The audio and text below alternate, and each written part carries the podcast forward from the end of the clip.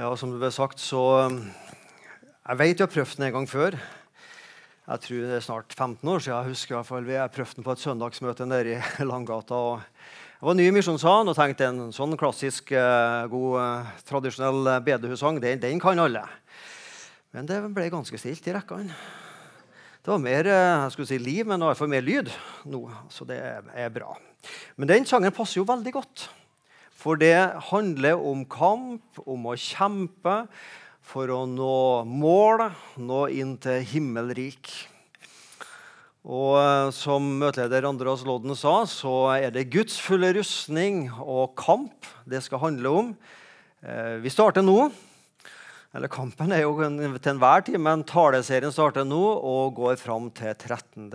november. Så er det eh, temaet for disse søndagsmøtene. Vi fortsetter å be litt sammen. Herre Jesus Kristus, du kjempa. Du hadde sannelig kamp mot både det ene og det andre. Men du sto, og du vant. Og du kjempa vår kamp på Golgata kors. Og så har vi som er kristne i dag, ulike kamper vi står i.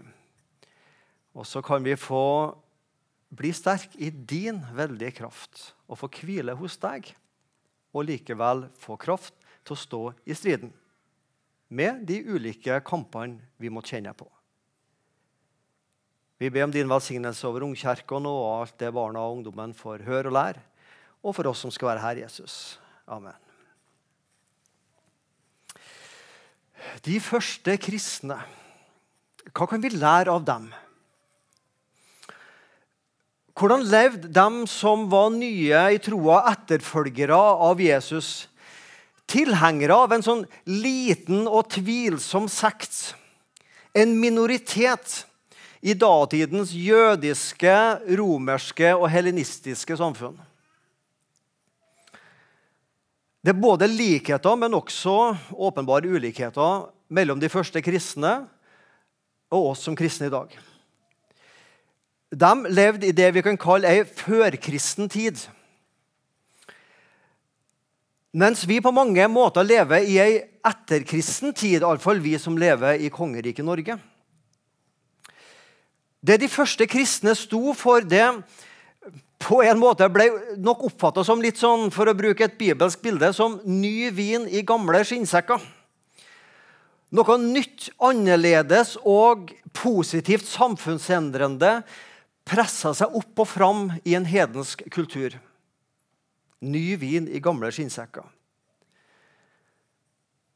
Hvordan er det i dag? Kristne som bekjenner seg til Bibelen, tror jeg nok heller i dag blir oppfatta som gammel og sur vin. Utgått på dato. Plassert i en utkant av noen store og romslige og moderne skinnsekker som samfunnet er. Kanskje er det en ulikhet der. Likevel, de hadde sine kamper å stå i og kjempe, og vi har våre kamper. Og mye er likt. Syndanaturen er fortsatt den samme. Verden er ulik, men mange fristelser er samme. Og djevelen han er den samme. Vi skal lese teksten fra Efeserne kapittel 6. og Vi skal lese 8-9 eh, vers. Efeserne 6, vers 10-18. For øvrig, bli sterke i Herren i Hans veldige kraft. Ta på dere Guds fulle rustning, så dere kan holde stand mot djevelens listige angrep. For vi har ikke en kamp mot kjøtt og blod, men mot maktene og mot myndighetene, mot verdens herskere i dette mørket mot ondskapens ånde her i himmelrommet. Ta derfor Guds fulle rustning på, så dere kan gjøre motstand på den onde dag og bli stående etter å ha overvunnet alt. Stå da ombundet med sannhetens belte om livet, vær iført rettferdighetsbrynje, ha som sko på føttene den beredskap som fredens evangelium gir. Grip fremfor alt troens skjold, som dere kan slukke alle den ondes brennende piler med. Ta frelsens hjelm og åndens sverd, som er Guds ord. Be til enhver tid i ånden med all bønn og påkallelse. Vær årvåkne i dette, og med all utholdenhet i bønn for alle de hellige. Ofte når man snakker om Guds fulle rustning, så stopper man med vers 17. Men jeg syns også vers 18 hører med om bønn. For bønn er også en del av vår rustning.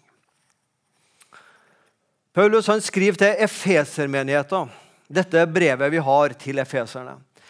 Opprinnelig så var nok det et brev som var tenkt å skulle sendes til alle menigheter i datidens Lille-Asia, det som i dag heter Tyrkia. Eh, Efesermenigheten var den største, så den ble nok først sendt dit. Og så gikk på en måte brevene på omgang. Ble sendt rundt til alle disse menighetene. Til de hellige i Efesus, de som tror på Jesus Kristus. Hvem er hellige? De som tror på Jesus Kristus, sier Paulus. Paulus sitter i eh, fengselet i Roma og skriver brev til menighetene. Og til efeserne, men ikke bare til dem, men til alle andre menigheter, så vil Paulus gi dem innsikt i Kristi hemmelighet. Kunngjøre Kristi hemmelighet, eller Kristi mysterium, som det står. Og Det det går på, det er at tanken var jo at jødene er en del av Guds folk. De kom Kristus til, og de hadde løftene og loven osv. Og, og så vil Paulus kunngjøre dem denne hemmeligheten at folkens, dere som sitter langt oppe i nord, hedninger, nordmenn, dere kan også bli en del av Guds familie. Evangeliet var også tiltenkt vikinger oppe i det høye nord og efesere og i Indonesia og i Sør-Amerika osv. Det er denne hemmeligheten. Evangeliet er tiltenkt alle, ikke bare jøder. Og Så skriver Paulus om konsekvenser det å bli en kristen vil ha for livet. For livet ble ikke det samme før og etter de møtte Jesus Kristus. Det å være en kristen det er å stå i en kontinuerlig kamp en kontinuerlig kamp. Vi møter motkrefter. Vi lever motstrøms. Enten driver vi med strømmen, eller så setter vi kurs. Det er bare død fisk som driver med strømmen. Laksen han står i strømmen og kommer seg mot strømmen opp i elva. Hva vil jeg med det? Kristendom, kristen tro og tanke kommer aldri til å bli akseptert av verdens tankesett. Ja, vi ønsker at flest mulig skal bli kristne. Men i et tenkt samfunn der alle er kristne, der er egentlig ingen kristne. For et sekulært samfunn som har slutta fred med kristen tro og tanke, da har saltet mista sin kraft sin motkraft. Vi er kalt til å være en motkraft i samfunnet.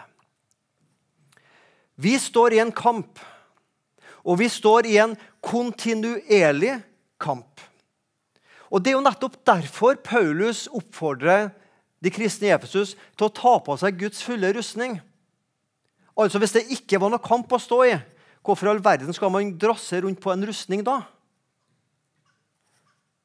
Det er jo nettopp fordi vi står i en kamp hver dag at vi trenger denne rustningen. Jeg skal komme tilbake til hva slags kamper vi har, for det vil jeg sette litt ekstra fokus på i dag. Men jeg vil også si at det å være en kristen det er ikke bare å være i kampmodus hele tida. Da liksom koker adrenalin i kroppen, og liksom du er i kampmodus. Nei, samtidig så kan vi ha fred med Gud. To tanker i hodet folkens, samtidig. To sannheter. Å være i kamp kontinuerlig og samtidig ha fred med Gud. Da vi altså er blitt rettferdige ved tro, skriver den samme Paulus til romerne. Da har vi fred med Gud ved vår Herre Jesus Kristus. Gjennom ham har vi også ved troen fått adgang til en nåde vi står i, og vi er stolte over håpet om herlighet. Ja, ikke bare det. Vi er også stolte over lidelsene. For vi vet at lidelsen gir utholdenhet, utholdenheten et prøvet sinn, og det prøvede sinnet gir håp. Ser du det? At det å være en kristen er samtidig på samme tid å ha fred med Gud og hvile i nåden og stå i en kamp. Du kan liksom ikke velge det ene eller det andre. Ja, Hvis jeg kunne valgt, så ville jeg jo bare valgt å være liksom i nåden og fred med Gud og ro og sånn. Nei, samtidig så er det et liv med lidelse, med kamp og med motstand. I det dere har fått den nåde, sier Paulus til filipperne, ikke bare å tro på Kristus, men også å lide for ham. Ta med deg begge disse sannhetene. Eller spør deg, kjenner du til noen troshelter i Den gamle eller Nye testamentet som ikke opplevde kamp og motstand? Har du lest om noen i Bibelen av disse store trosheltene som ikke på en måte sto i en kamp over tid? Du skjønner det retoriske spørsmålet. Nei, det har ikke heller jeg lest om. Alle hadde sine kamper mot makter og myndigheter.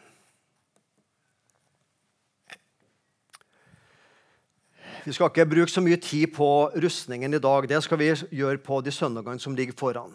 Men det snakkes altså om en frelsens hjelm, om en brynje, rettferdighetens brynje, om eh, sannhetens belte. Det jo, må jo være sannhet som holder rustningen opp. ikke sant? Troens skjold beskytter oss. Åndens sverd, Guds ord. Og på føttene den beredskap til kamp for evangeliet. En kristen er en soldat som har både forsvarsvåpen og angrepsvåpen. Men legg merke til at denne rustningen, det aller beste, er til forsvar.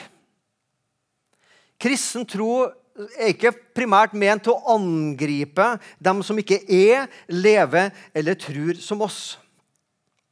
Det meste er til forsvar. Og Vi er kalt til å forsvare troa ydmykt og samtidig frimodig. 1. Peter kapittel 3. Salige er dere om dere lider for rettferdighetens skyld. Vær ikke redde for dem, og la dere ikke skremme, men hold Kristus hellig som Herre i hjertet. Vær alltid klare til forsvar når noen krever dere til regnskap for det håp som dere eier. Gjør det ydmykt og med Guds frykt, så dere kan ha en god samvittighet.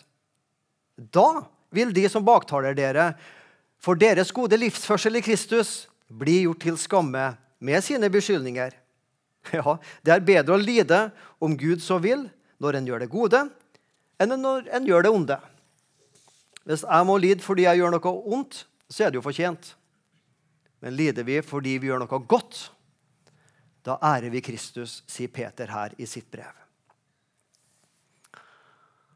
Trosforsvar. Beskytt troa di. Beskytt hjerteforholdet til Jesus. Beskytt den kristne tanke mot angrep, om det er fra andre religioner, kristne trosretninger på avveier eller en sekulær og verdslig tankegang som erklærer at Gud og det guddommelige det er enten dødt, eller iallfall så er det irrelevant i 2022. Som jeg sa, Det meste her er til forsvar. Men det er to angrepsvåpen. Det er det sverdet, som er Guds ord. Her er vårt angrepsvåpen. for å kalle det. Det er Guds ord, og det er bønn. Det er Bibel og bønn. Bibel og bønn. Det er det vi har. Syns du det var lite? Vel, det er iallfall det vi har fått av Gud. Jeg syns ikke det er så veldig lite. Vel, delvis kan vi lene oss på, en, på kristne lovverk. Vi har et kristent lovverk til en viss grad. Kristne politikere, en kristen kulturarv, en felles forståelse i samfunnet om rett og galt, om hva som er hellig, og kristne kulturinstitusjoner. Delvis kan vi lene oss på det. Men disse vil en sekulær verden gradvis prøve å motarbeide eller å overse og gjør til noe privat. Det er greit at du er en kristen, men det må du holde for deg sjøl. Troa skal være privat. Nei. Troa skal være personlig. men aldri privat. En personlig tro, men som skal leves ut offentlig.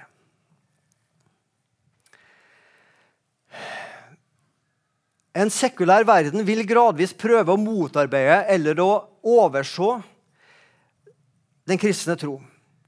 Og lykkes de med den, så får vi en kristendom hvor saltet har mista sin kraft.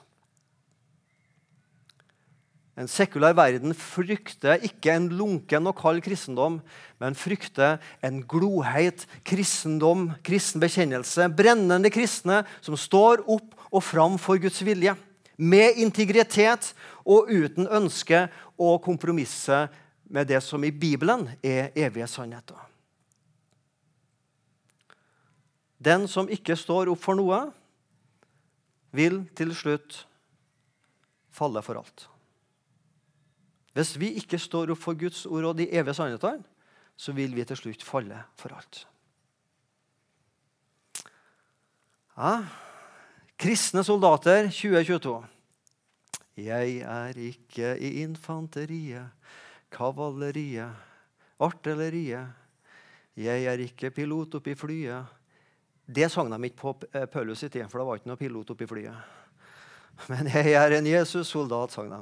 Ja, det er vi. Tre fiender. Tre kamper å stå i kontinuerlig. For det første djevelen. Styggen på ryggen. Har du merka han som står og kvisker i det ene øret? Så står det en annen og kvisker inn i det andre øret. Ja, 'Dette er lurt å gjøre. Dette er bra. Dette er rett.' Nei, nei, nei. nei, nei. Ikke sånn. Gjør sånn. Ja. Adam og Eva i paradis. ikke sant? Levd med Gud og hørt Guds stemme. Så kom det en annen stemme og kviskra noe i øret deres Jeg tror til og med det er en sang som heter 'Styggen på ryggen'. Det handler kanskje om noe annet. Men nei, jeg tror det handler om at vi, vi putter inn ting som ikke er bra. Djevelen han tror vi fins. Vi, vi, tror ikke på djevelen, men vi tror at djevelen fins. Men vi, tror, vi forsaker han. Vi forsaker djevelen og alle hans gjerninger. Og det vi gjør. Ikke tro på, men vi tror at han fins. Han vil ha makt, han vil ha berømmelse, og han vil eie meg. Han vil skremme meg bort fra Jesus eller lokke og lure meg bort. Ja, Jesus i ødemarken, Matteus 4, han prøvde å lokke og lure Jesus bort fra Guds vei. Han frista Jesus til å bruke makt på feil måte, bli berømt på feil premisser og bøye seg for djevelen som herre. Fins det noen medisiner mot djevelen? Så Medisin er et dårlig ord her. For medisin, da blir du frisk. Du kan jo aldri bli frisk fra en fristelse, men du skjønner meg rett. Fins det noe som vi kan kjempe mot, da? Djevelen. Sikkert mange ting. Her skal du få to. Guds ord. Eh, og hva mener jeg med det? Da Jesus ble frista av djevelen i ødemarken, så sa djevelen ja, men det står i Gammeltestamentet at sånn og sånn. Så svarte Jesus det står også skrevet. Jesus brukte Guds ord mot djevelen. Jeg fant en flott setning her. Hvis du ikke fyller hjertet og tanken din med Guds ord, vil fienden fylle den med frykt, angst, stress, bekymringer og fristelser. En stadig påvirkning dytter inn ører og hjerte. Og Hvis ikke jeg fyller meg med Guds ord, så vil djevelen gradvis lykkes å putte disse tingene inn i våre liv. Frykt, angst, stress, bekymringer, fristelser. Gjør som Jesus. Siter bibelvers for deg sjøl, og om nødvendig mot den onde. Og Den hellige ånd kommer til å minne, for Den hellige ånd bor i oss og kan minne oss om Guds ord, som vi kan bruke mot djevelen. Når han sier at ja, synstilgivelse fins, men ikke for dine synder, Svein. Og iallfall ikke for den synda. Men dersom vi bekjenner våre synder, kan jeg si til djevelen, så er Jesus trofast, så han tilgir meg alle mine synder. Ja. Guds ord kan vi bruke mot den. Den andre medisinen, da, for å kalle det det, er lovsang. Martin Luther skal visstnok ha sagt følgende Hvis du ber, så går djevelen sin vei. Men hvis du lovsynger, så springer han. Jeg har hørt at Luther har sagt det. Jeg har ikke funnet sitatet. Men det blir liksom litt tyngde bak det hvis vi sier at Luther har sagt det. vet du. Det blir ikke samme som du sier Hansen har sagt det. liksom. Men det var for godt sagt uansett hvem som sa det. Hva skjer når vi lovsynger? Da setter vi Gud først. Han er herre på vår hjertes trone. Vi tilber Han som vi ønsker å ha først og størst i livet. For det er jo nettopp det djevelen vil. Han vil ha vår oppmerksomhet og være størst i våre liv. Det var det han frista Jesus på. Tilbe Jesus. Om du ikke er så glad i å synge, så tilbe, så springer han sin vei. Styggen på ryggen. Ja, Guds fulle rustning, verdens fristelser, det er den andre kampen vi står i. Altså Først djevelen, som vil plante alt mulig gale inn i hodet ditt og hjertet ditt. Og så er det verdens fristelser. Og Her har jeg altså da googlet fristelser, og da kommer jo annet disse bildene her opp. Jeg vet ikke, Du skjønner hva det går i liksom, når du ser de bildene her. ikke sant? For vi har ikke kamp mot kjøtt og blod. Vi holder ikke på å slåss med ikke-kristne mennesker. Hvor skal du bli kristen? Nei, men vi har mot, en kamp mot maktene, mot myndighetene, mot verdens herskere i dette mørket, mot ondskapens ånde her i himmelrommet. Her kunne mye vært sagt, og det skal ikke jeg gjøre, for det er ikke tid til. Men her er det mange fristelser. Mange kamper i verden. Paulus snakker om styresmakter og myndigheter. Ja, første, altså vi kan jo av og til sukke og akke over enkelte politikere skal ikke sette navn på noen her, men ikke sant? Vi, vi kan sukke og akke over det. Men folkens, det er lite og ingenting i forhold til det de første kristne opplevde i datidens romerske samfunn. Makt og myndigheter. Vi kan kjenne en Det står en sånn kamp mot religiøs makt, kirkemakt på villspor osv. Åndskrefter, ondskapens ånde her. Ja Hvis du vil ha en liten knagg å henge det på, så heng det på bokstaven P. For jeg tror mange av de fristelsene vi møter i verden, starter med P. Og Da må jeg ta også engelsk språk i bruk for å få det til å gå opp. Popularitet, posisjoner, penger, pleasures, nytelser. Da må vi ha på engelsk. Pleasures. Makt, power, politikere populærteologiske snuoperasjoner. Jeg tror mange av kampene vi står i verden, starter med P. Men ikke for å bruke for mye tid på å svartmale her. Hva er medisin mot de kampene vi står i i verden? Jeg tror det handler mye om holdninger. Hva slags holdninger har vi til våre motstandere? De som kjemper mot oss? Jakob og Johannes, disse to brødrene i Jesu nære krets, de var så tent for Guds sak. Jesus kan ikke få lov å be Gud sende ild og svovel ned over disse fiendene og fortære dem. Liksom, Ta dem en gang, en gang for alle. Så måtte Jesus si, 'Slapp av, folkens. Det er ikke helt sånn det fungerer.' Det kan være fristende en gang jeg også å be Gud sende svovel over den ene og andre. Men nei, sier Jesus. Elsk deres fiender, be for dem som forfølger dere. Og Paulus skriver til korinterne når vi blir utskjelt, så skjeller vi igjen. Når vi blir forfulgt, så slår vi tilbake. Nei, sånn sto det ikke. Nei. nei. Eh, når vi blir utskjelt, velsigner vi. Var det det sto her, ja? ja. Når vi blir forfulgt, så holder vi ut.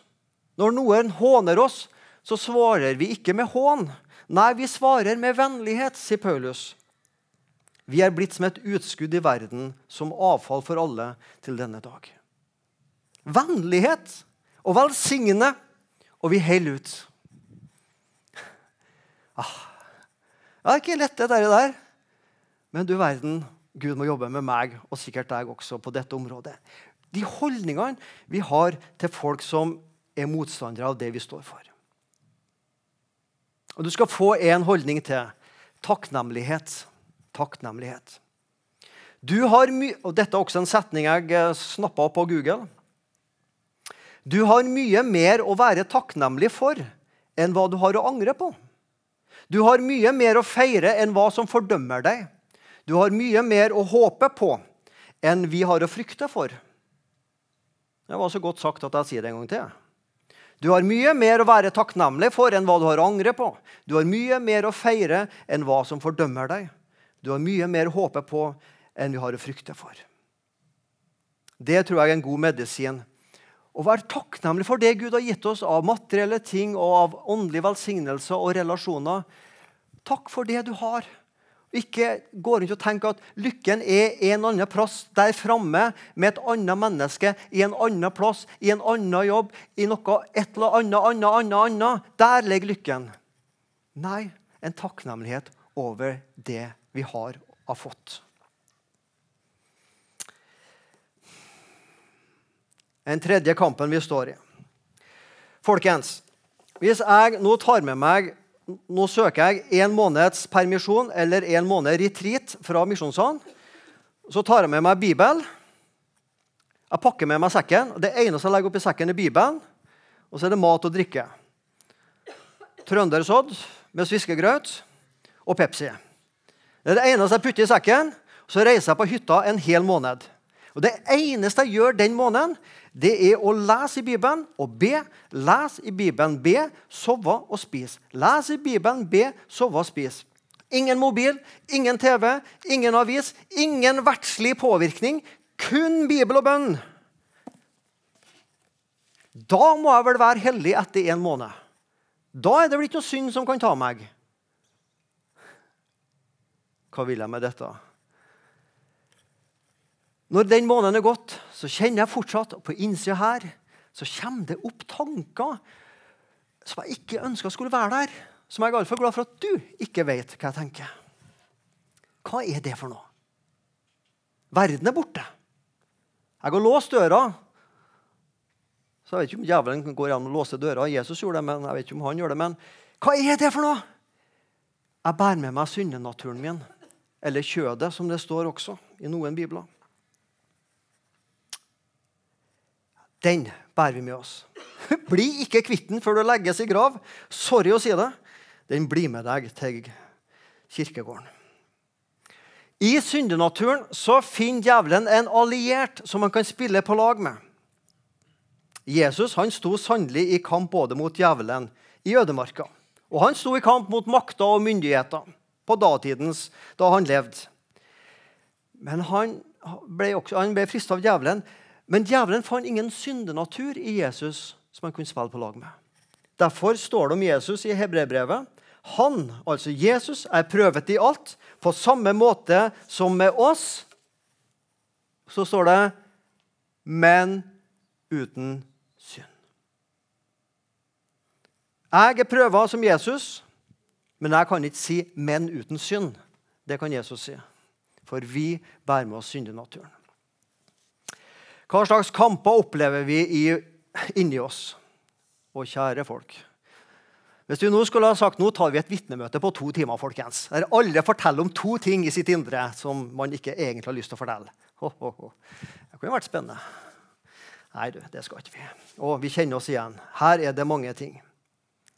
De vanlige, tradisjonelle kampene og fristelsene vi gjerne snakker om. Hvordan vi bruker munnen vår, orda, baktalelse, stygge ord, seksuelle følelser og tilnærmelser overfor andre enn min ektefelle. Meg sjøl, fremheve meg sjøl på bekostning av andre.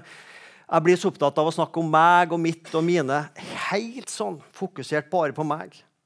Penger, eiendeler, materialisme. Jeg tror ikke jeg trenger å veldig male ut dette her. Vi kjenner oss igjen.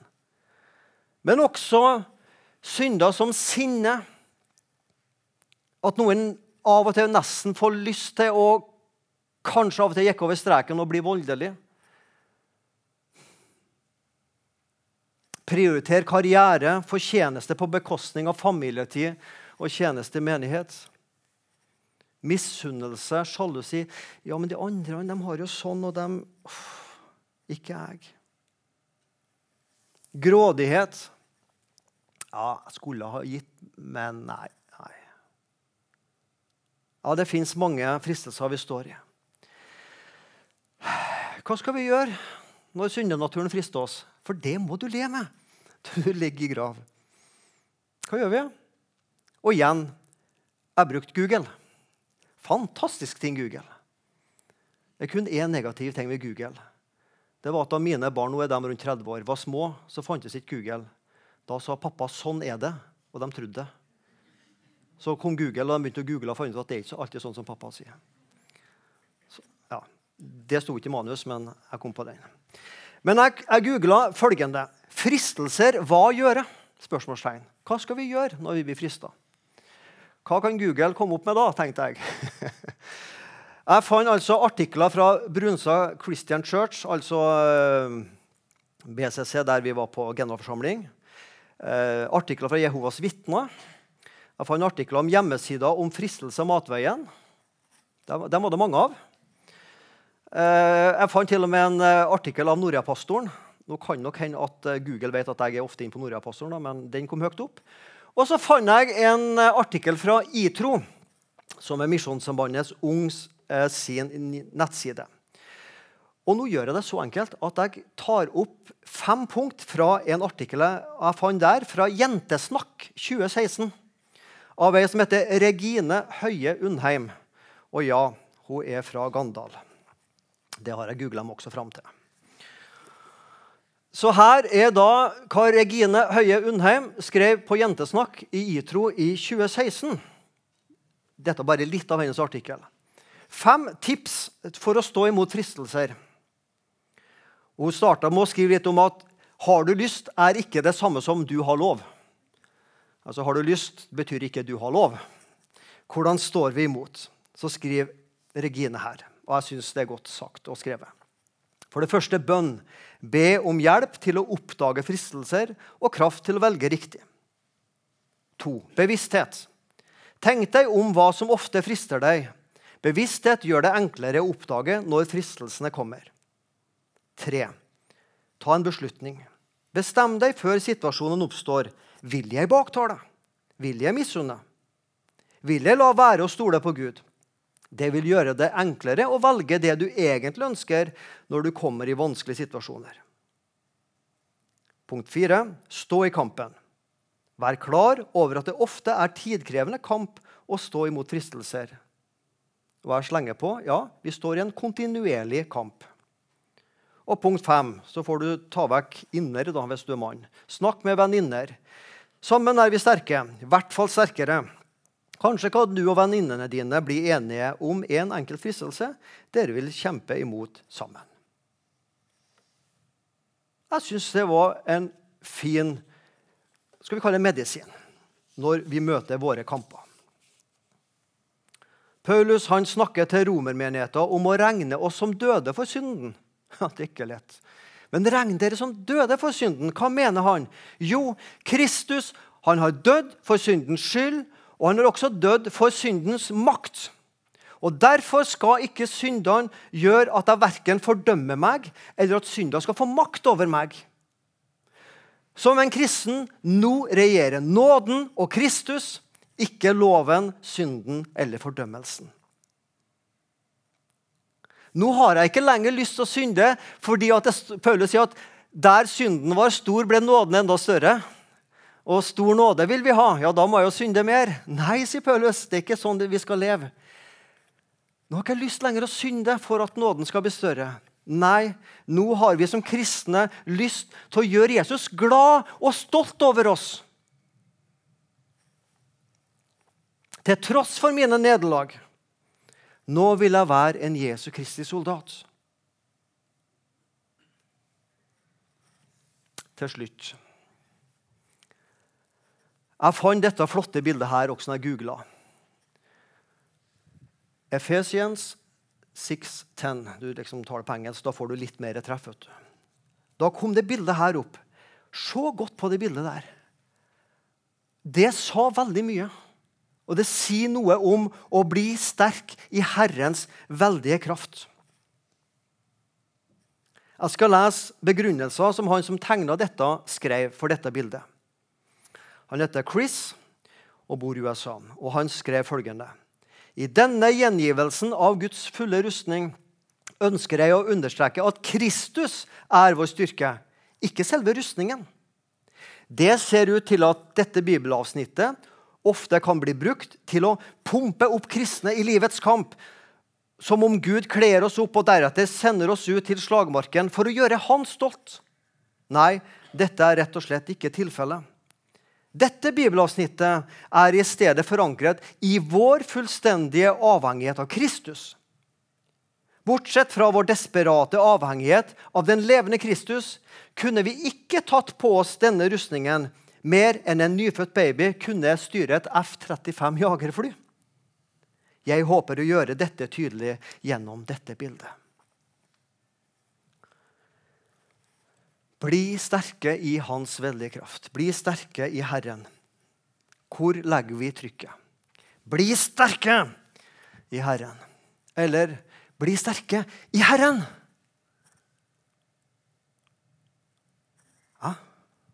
Forhåpentligvis det siste. At hele vår styrke ligger i at vi lever våre liv i Han. I Hans veldige kraft. Skapelseskraften, kraften i jordet, kraften i frelsen, oppstandelseskraften, Den hellige ånds kraft. Denne kraften vil Gud la leve i skrøpelige, fattige syndere som gjemmer sine liv i Kristus, som ikke prøver å legge egen styrke til der vi synes at Guds kraft kommer litt for lite til syne. Nei, evangeliet folkens, er at Guds kraft viser seg til tross for vår svakhet. Men også viser seg i Guds egen svakhet. Hva mener jeg med det? Når var Gud på det svakeste i historien? Det var han på korset. Gud har aldri vært så svak i historien som han var på korset. Og Hvordan kan vi da snakke om korsets kraft når Gud var på sitt svakeste? Jo, nettopp i svakhet, der er Guds styrke. Korset, som er et henrettelsessymbol. Vi går ikke med galge eller den elektriske stol eh, hengende som et smykke rundt oss. Men hvis de første kristne hadde gått med et kors, så ville romerne tenkt ja, nå går vi med et henrettelsessymbol rundt deg. Korset er Guds svakhet og er nettopp derfor Guds styrke. Kjære kristen. Du som og jeg som lever i mange og ulike kamper. På hjemmebane hvor ikke du alltid klarer å styre orda eller sinnet ditt. I familien, som er en av få bekjennende kristne i slekta. Som en som av og til syns det er vanskelig å heise flagget på arbeidsplassen som en som opplever at du skuffer Jesus om igjen og om igjen og om igjen. Lev dine kamper i Jesus Kristus. Legg ned egen styrke, egne løsningsforslag, og la Jesu kraft fylle deg som en Jesu Kristi soldat i 2022. Bli sterke i hans veldige kraft. Her sitter en svak forsamling men når Gud får fylle oss med sin styrke og sin Hellige Ånd Det er ikke grenser for hva som kan skje i våre liv og gjennom denne menigheten, gjennom andre menigheter her i Sandnes. Når Gud får fylle seg med sin kraft i oss. Halleluja. Amen. Kjære Jesus.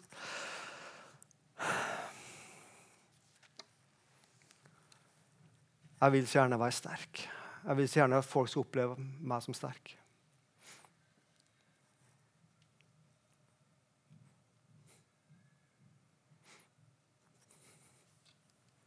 Jeg ber Jesus at vi må slippe deg til. På tross av ja. Kjære Jesus, gi oss kamper mot djevelen, mot verden, mot syndenaturen. Og la oss kjenne at det er en ny ånd en ny kraft i vårt indre, planta pga. korset og oppstandelser, og at Den hellige ånd har kommet og tatt bolig i oss. Amen.